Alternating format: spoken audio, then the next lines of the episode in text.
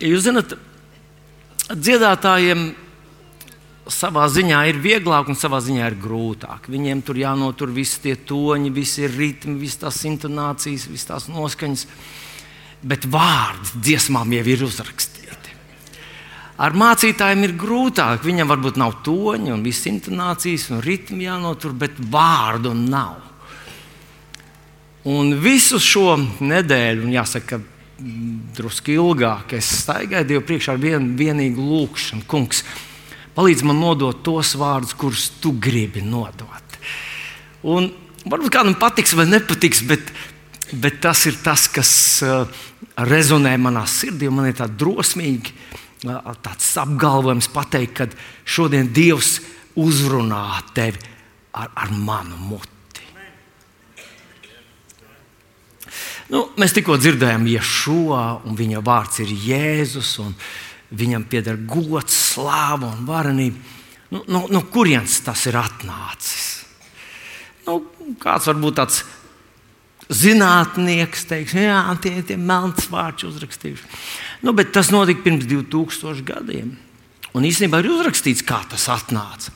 Eņģeli Gabriela, Lūkas evanģelijas pirmā nodaļa Starp citu, kad jūs lasat Lūkas evanģēlīju, papētiet, kā, ar ko viņš sākās. Lūkas saka, es visu sistemātiski izpētīju un uzrakstīju tev, lai tu zini, kā tas viss notika, lai tu pārliecinātos par tās mācības pareizību.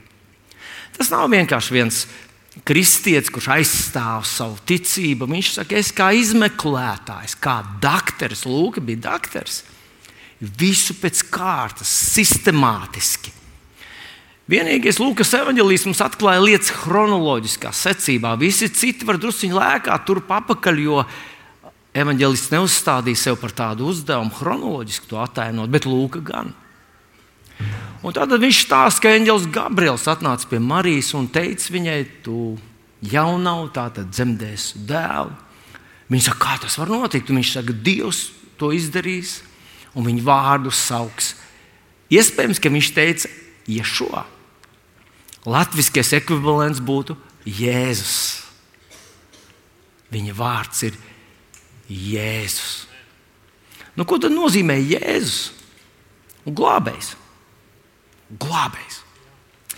Bet mēs šo pašu, vai, vai gandrīz šo pašu vēstu sastopam arī Lūkas evanģēlijā, otrajā nodaļā.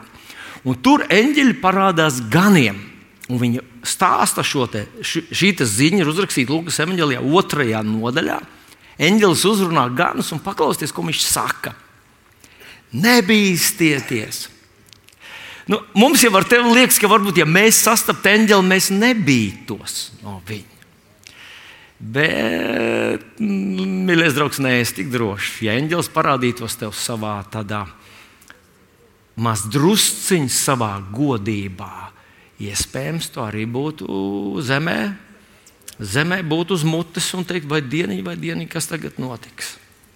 Un tātad eņģelis saka, nebīsties, jo redzat, es jums pasludinu lielu prieku, kas visiem ļaudīm notiks. Evangelijas nav bēdu vēsts, nav draudu vēsts, nav tāds smago vēsts, Dievs ir.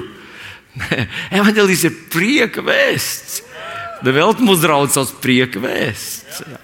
Tātad, kas visiem ļaudīm notiks. Jo es, jo jums šodien pestītājs dzims Dāvida pilsētā, kas ir Kristus, tas kungs. Mīļais draugs, nu, ļauj man tā diezgan strauji virzīties uz priekšu. Viņš saka, viņš ir Kristus glābējs, tāda 11. pāns, viņš ir glābējs Dāvida pilsētā, viņš ir Kristus. Bet viņš vēl saka, vēl kādu lielu vārdu viņš lieto. Viņš lieto vārdu, kurš apzīmē Dievu, radītāju.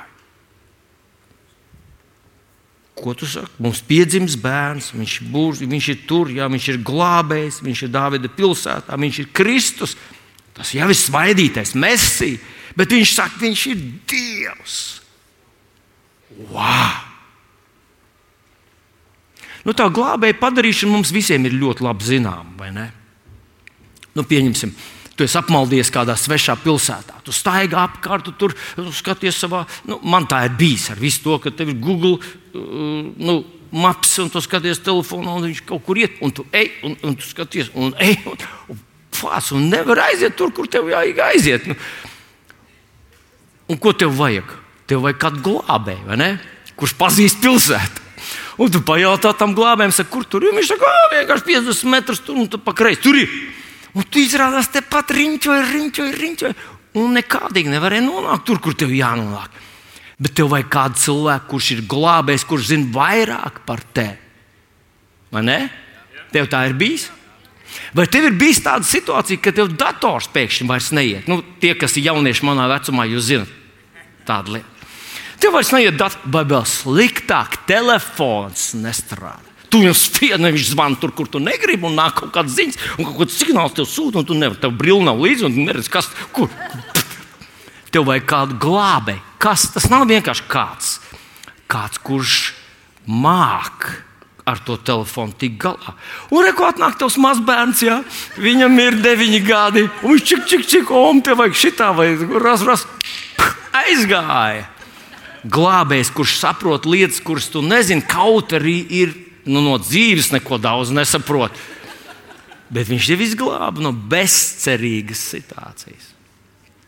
Nu, bet vai var, var būt tāda situācija, ka tu nemaz nezini, cik liela ir tā problēma un tev ir vajadzīgs glābējs?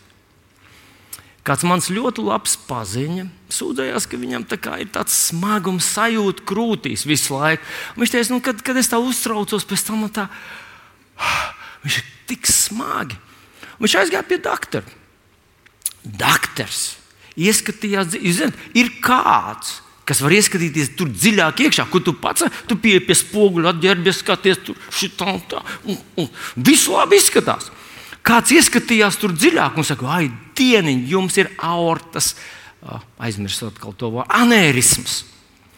Aorta ir cilvēka organisma lielākais asinsvads. Viņš tikko nāk no sirds ārā, un kad sirds pumpē asins, viņš iešļāts ar milzīgu spiedienu tajā aortā asins, un tad viņi cirkulē pa visu ķermeni.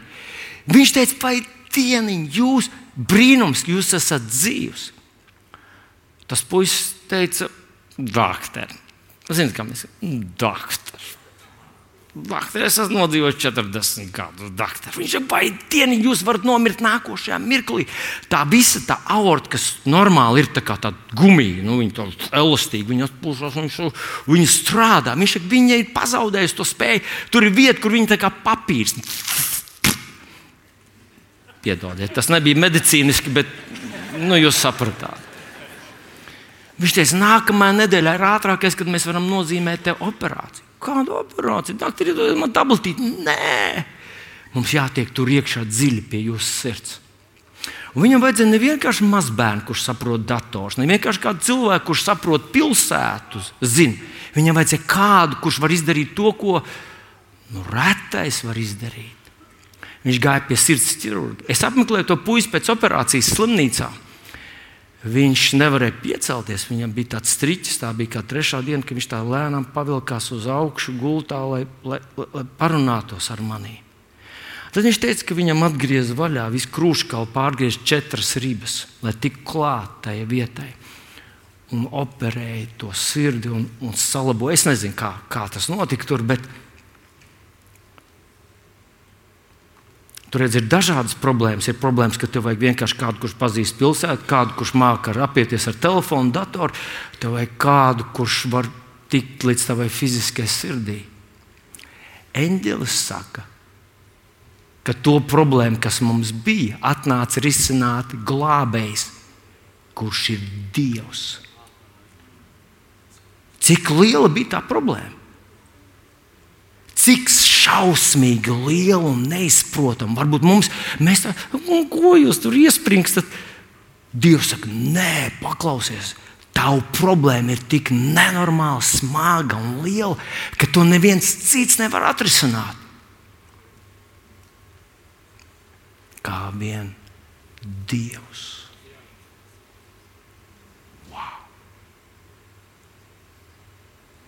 Es jums pasludinu lielu prieku, kas visiem ļaudīm notiks. Jums šodien pestītājs dzimis, viņš ir Kristus, Dievs. visiem ļaudīm. Visiem ļaudīm tas nozīmē man, un tas nozīmē arī tiem, kas šodien Kristu atraida. Nedzird, nepazīst viņu. Saka, nē, man nav tā problēma, nav tik liela, ko jūs beidzat. Mēs esam labi cilvēki.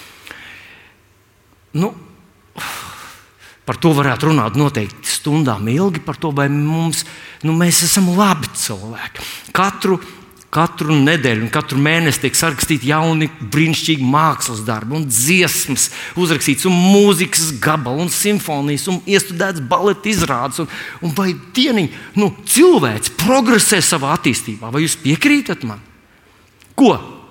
Nu, katru gadu universitātes izlaiž jaunu studentu, filozofijas fakultātes, filozofijas fakultātes, ekonomikas, tieslietu fakultātes, mm, policijas fakultātes, kas vēl visādi šaušanas fakultātes. Nu, nu, nu, īstenībā pasaulē vajadzētu palikt labāk, vai ne? Vajadzētu palikt labāk, vai pasaule ir palikusi labāka? Ja ir cilvēki, kas saka, jā, pasaule ir labāka. Bet jūs zināt, Tas ir tas paradoks, kādreiz tu klausies. Teiksim, kādos mazos mēdījos runā, kad politiķi saka, jā, mēs tādā esam palīdzējuši, tagad mums tagad būs vēl, mēs pieliksim klāt, vēl nu, tur tādas zāles, kaut kas, ko līdz šim mēs nefinansējam. Tad mēs pieliekam klāt, katram slimniekam būs 20 eiro klāt, lai viņš varētu nopirkt tās dārgās zāles, un tad, un tad mēs palīdzēsim tur. Ne, es neesmu skeptisks, es vienkārši mēģinu nu, to, to kopējo situāciju. Tad viņi saka, ka skolās nekad nav bijusi tik ļoti izteikta tā vardarbība, tā emocionālā vardarbība kā tagad. Nu, kā mums tikko vajadzēja pieņemt Stambulas konvenciju, jo sievietes vairs uz ielas nevar iziet ārā. Va, kungs, tā vardarbība vienkārši, vienkārši dramatiskos mērogos, viss pieaug. Es jau nerunāju par kariem, nerunāju par krāpšanām, nerunāju par o, Ukrajinu un visām tām citām lietām.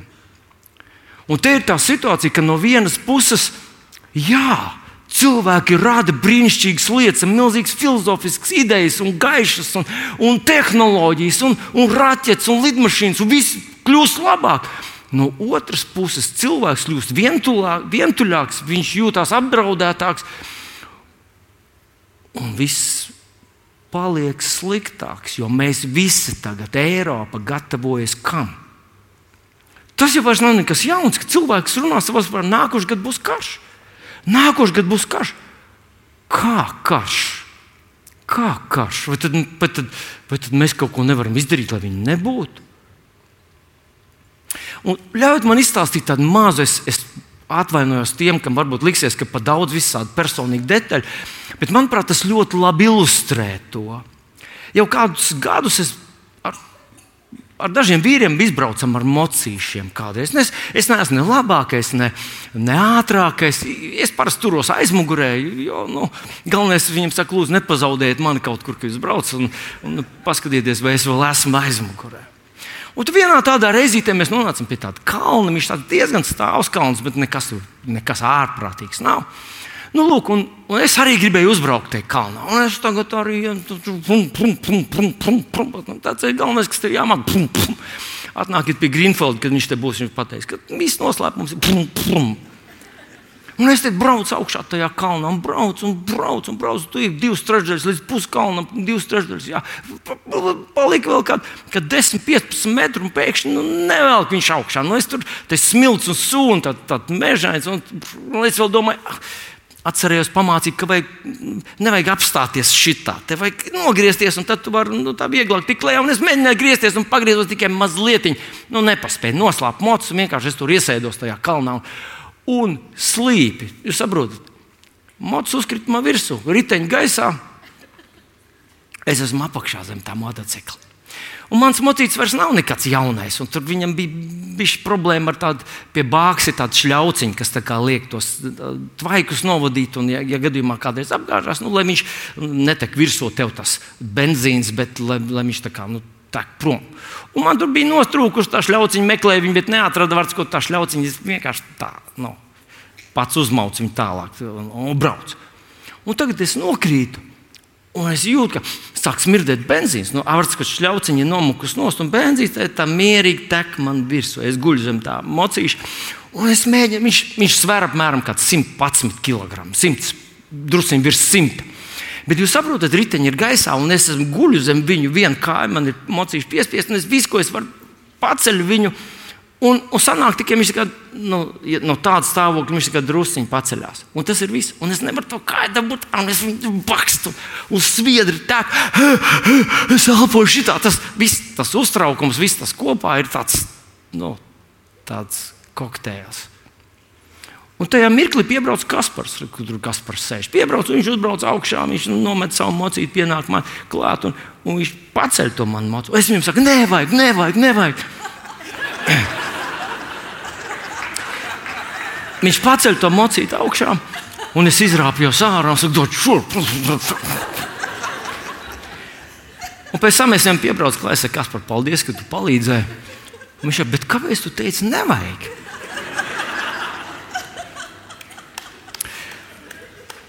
Jūs zināt, Jāņa Evangelijas 1. nodaļa, 12. pāns. Viņš runā par Jēzu Kristu, par glābi. Viņš nāca pie saviem, bet tie viņu neuzņēma. Ir cilvēki, kas neuzņem Jēzu. Un es domāju, viens no iemesliem, kāpēc cilvēki neuzņem jēzu, vispirms nezina savu problēmu, tās problēmas dziļumu, to smagumu un visu to perspektīvu, ko tas var izmainīt tavā dzīvē. Bet otra lieta, kāpēc viņi neuzņem jēzu, tāpēc, kad, tāpēc, kad es pats, es pats, kas, kas es esmu, es jau neesmu tik slikts, es, es pats cīnīšos ar to problēmu. Un ļaujiet man izstāstīt vienu citu ilustrāciju, kas, kas ļaus jums palīdzēt saprast, nu, ko nozīmē, ka es pats tur kārpos zem tās savas problēmas, un, un, un man nevajag palīdzību. Viens cilvēks, viens tāds parasts, parasts mūsdienīgs cilvēks, pēc tāda vairāk dienu svinēšanas, Ziemassvētku viņš svinēs, Ziemassvētku viņš pamostās tur vienā rītā, baigās paģers. Viņš galvas sāp, acīs nav asuma nekāda. Viņš lēnām pamostās, sāk skatīties, kas viņam apkārt tur ir. Viņš atrod brendiju pudeli, paceļ to tukšu brendiju pudeli. Viņš paskatās uz viņu. Viņam sejas saviebjās tādā sāpju grimasēs. Viņš paņem viņu un saka, tu esi vainīga pie tā, ka esmu palicis viens ģimene no manas raizgājis. Un viņš triec to pudeli pret sienu, tā kā Ernests tur meta to, to vīnu pudeli. Un tā pudele izšķīst. Viņš te skatās tālāk, viņš ieraudzīja konjaku pudeli. Viņš paņem to konjaku pudeli tukšu. Viņš paņem to konjaku pudeli un saka, tu esi vainīgs pie tā, ka man atlaid no tādiem darbiem. Un viņš, viņš sviež to pudeli vēlreiz pret to pašu sienu, tā pudeles sašķīst. Viņš jau ir asarās, viņš iet tālāk, viņš ieraudzīja vēl vienu kaut kāds, tur, kaut kāds vēl dzēriens, brendīs, pie, piemēram, brendī pudeli. Viņš jau nevaldām raud, raud, raud. Un tu pie visa tu esi vainīgs. Es sasitu savu mašīnu un paliku parādā visiem. Viņš triec to brendī pudeli pret sienu, tā pudele sašķīst atkal. Un viņš skatās apkārt, kas un ieraudzīja šņabi bet tā nav atvērta vaļā. Tā ir cieta. Viņš viņu saudzīgi piespiež pie krūtīm. Viņš saka, bet tu gan ne pie kā neesi vainīgs. Tev ar to viss nav nekāds sakars. Un, zinot, nu, manuprāt, Kaut kur līdzīgi mēs arī cilvēci. Mēs sakām, jā, līdz šim varbūt tas nenostrādāja, bet tagad gan, tagad būs, jā, tagad mēs izdomāsim, tagad mēs sakārtosim, tagad mēs uzrakstīsim, tagad mēs pieņemsim likumu un pasaule pārmainīsies. Un tad Dievs saka, Jēzus, Jēzus. Interesanti, ka tu lasi Lūkas evanģēlī, tad tur visur parādīts, ka eņģēlis nāca individuāli. Viņš nāk pie mums mums katra personīgi. Bez tādas lielas nu, ambrāžas, lai visi redz, ka tas ir Dievs, kas tev uzrunājas, klusi viņš klauvē pie tavas sirds. Viņš sūta savu eņģeli. Šajā rītā tu jau dzirdēji daudz eņģeļu aiz muguras. Daži bija maziņi, tie bija īpaši mīlīgi. Un daži bija lielāki, lielāki, un daži bija ļoti skaļi, un daži bija ļoti kautrīgi. Bet viņi uzrunāja tevi par ko? Tev ir vajadzīgs glābējs. Tev ir vajadzīgs glābējs. Tu vari viņu atraidīt. Tu vari viņu atraidīt. Tu vari viņu atradīt vienreiz, otrreiz, trešreiz, ceturtoreiz, piektoreiz, sestoreiz, septītoreiz, astotoreiz. Un tu vari pierast, ka tā ir tava normālā reakcija. Tu, kad, kad nāk jēzus, tu viņu, ah, tev nevajag. Tu pats, tu pats kārpīsies, jā, nē, nē, nē, nevajag. Bet vienā dienā nu, tas tavs atraidījums būs galējs. Un tad iedomājies, ka tev vairs nepiedāvā jēzu. Priekš tevis tas var būt posms, posms, kad Dievs tev uzrunā un piedāvā savu glābēju. Un tad es pie sevis vienā dienā iedomājos, nu kā tas ir. Dievs dāvināja savu dēlu. Viņš nonāca pie tevis un manis, un viņš staigā mums pakaļ mūsu dzīvē. Dievs, radītājs, staigā mums pakaļ mūsu dzīvē, lai atrisinātu mūsu lielo problēmu. Un mēs viņam sakām visu laiku, nē, nē, nē, nē ārprāts, kāda pazemība no Dieva puses. Un kāda pazemība, ka tu mazs glābjams cilvēciņš. Un Dievs visādi mēģina, gan ar klusu, gan ar skaļu, gan ar lielu, gan ar mazu. Viņš sūta visus tādus eņģeļus tavā ceļā. Eņģelis ir sūtnis, sūtnis tavā ceļā, lai tev pateiktu, ka es gribu tevi glābt. Es jau nenāku tevi aptīrīt, nenāku tevi kaut ko atņemt, es nenāku tevi piedraudēt, es nenāku tevi atmaskot, es nāku tev, tevi glābt. Bībele runā par tiem, kas viņu atraida. Viņi saka, tie, tie viņu atraidīja, un viss. Uzstāst par viņiem, viņu stāsts ir beidzies. Dieva labs pusēs par viņiem. Nu, tur daži teikumi tikai, un tie tādi drūmi teikumi. Bet tie, kas viņu uzņēma, viņš deva vāru viņam kļūt par dievu bērniem. Mēs ar tevi esam cilvēki, kas sadzirdēja šo eņģeļu vēstu un pieņēmām viņu sev, vai ne?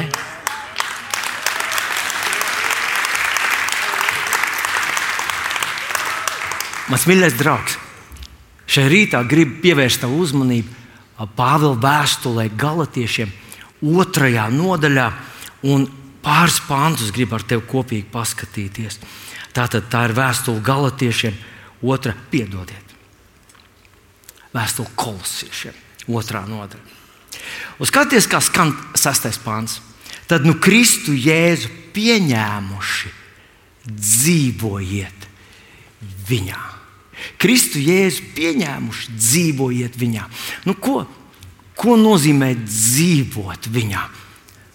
Nu, Tas, tas ir tas pats, kas tu varbūt biji aizbraucis uz kādu pilsētu, varbūt kādu skaistu vietu. Tu aizbrauc, tur apskaties, tev patika, un tu atbrauc atpakaļ, jo dzīvo tu Latvijā. Tieši tāpat arī pie Jēzus. Īsnībā, lasot evanģēlijas, mēs atkal un atkal sastopamies ar cilvēkiem, kas atnāca, apsveica, pielūdza viņu un aizgāja. Un, zinot, nu tā pavisam godīgi jāsaka, Es domāju, ka liela, būs liela starpība ar cilvēku, kurš pielūdz viņu un aizgāja, un cilvēku, kurš vienkārši nekad vienkārši tam visam ir nu, gājis ar līkumu. Bet ir kaut kāds vēl labāks veids, ir vēl kāds labāks ceļš, un tas ir tie, kas atnāca un palika pie viņa. Palika ar viņu, dzīvoja pie viņa. Un šeit paklausies, ļauj man ļauj man nu, pa, nu, to otru nozīmi, ko es tā domāju, ko, ko tas nozīmē. Dzīvot Kristu Jēzu nozīmē, ka tu viņu pieņem, tas bija tik vienkārši. Tu pieņēmi grēku piedošanu, tas bija tik vienkārši. Tu zināji, ka Jēzus nopelns tev garantē visu šo te.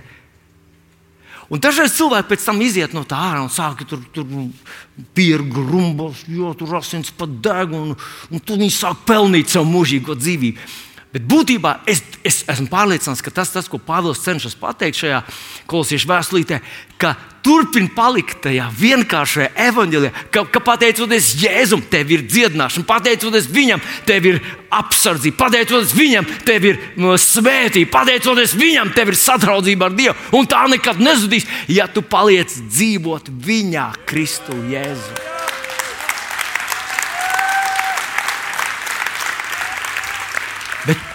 Paskaties vēl, kas, kas ir vienkārši, vienkārši satriecoši. Tu tagad dzīvo Kristu, ja vai pareizāk sakot, tu Kristus pieņem savā dzīvē un dzīvo ar viņu. Vasarā un ziemā, priekos, bēdās. Nu, nu, kā mēs, kā, kad mēs pie laulības sakām, visu dzīvi mēs kopā novecosim, mēs aiziesim līdz galam. Mēs visu to gribam izdarīt. Un tāpat ar kungu Jēzu Kristu. Bet zinot, kas ir Jāņem līdz 14. nodaļai, 1 līdz 5 pants skan vienkārši vārdi, kas, kas vienā dienā man kā nu, aplēja ar tādu siltu šampānieti. Es, nu, es neesmu dzēris šampānieti, bet uh, iespējams, ka viņš nav garšīgs silts, bet man kaut, ko, kaut kas asociējas ar kaut ko tādu satriecošu un brīnišķīgu. Un reko Jēzus tur saka, jāņem līdz 14. nodaļai, 1 pāns. Jūs sirds, lai neizbīstas, ticiet Dievam un ticiet man. Man tēvam namā ir daudz mājokļu. Ja tas tā nebūtu, es jums būtu teicis, ka es eju jums vietu sagatavot. Un tālāk viņš saka, un kad es būšu aizgājis un vietu jums sagatavojis, es atkal nākšu un ņemšu jūs pie sevis. Lai tur, kur es esmu, būtu arī jūs. Paklausies, mans mīļais draugs, tu esi pieņēmis Jēzu šeit. Viņš teica, es tevi pieņemšu tur. Viņš šeit dzīvo tavā dzīvē. Nu, nu kāda tev tā dzīvība ir un kāda tev tie apstākļi ir. Bet viņš teica, bet ja tu aizies ar mani līdz galam, tu dzīvos ar mani.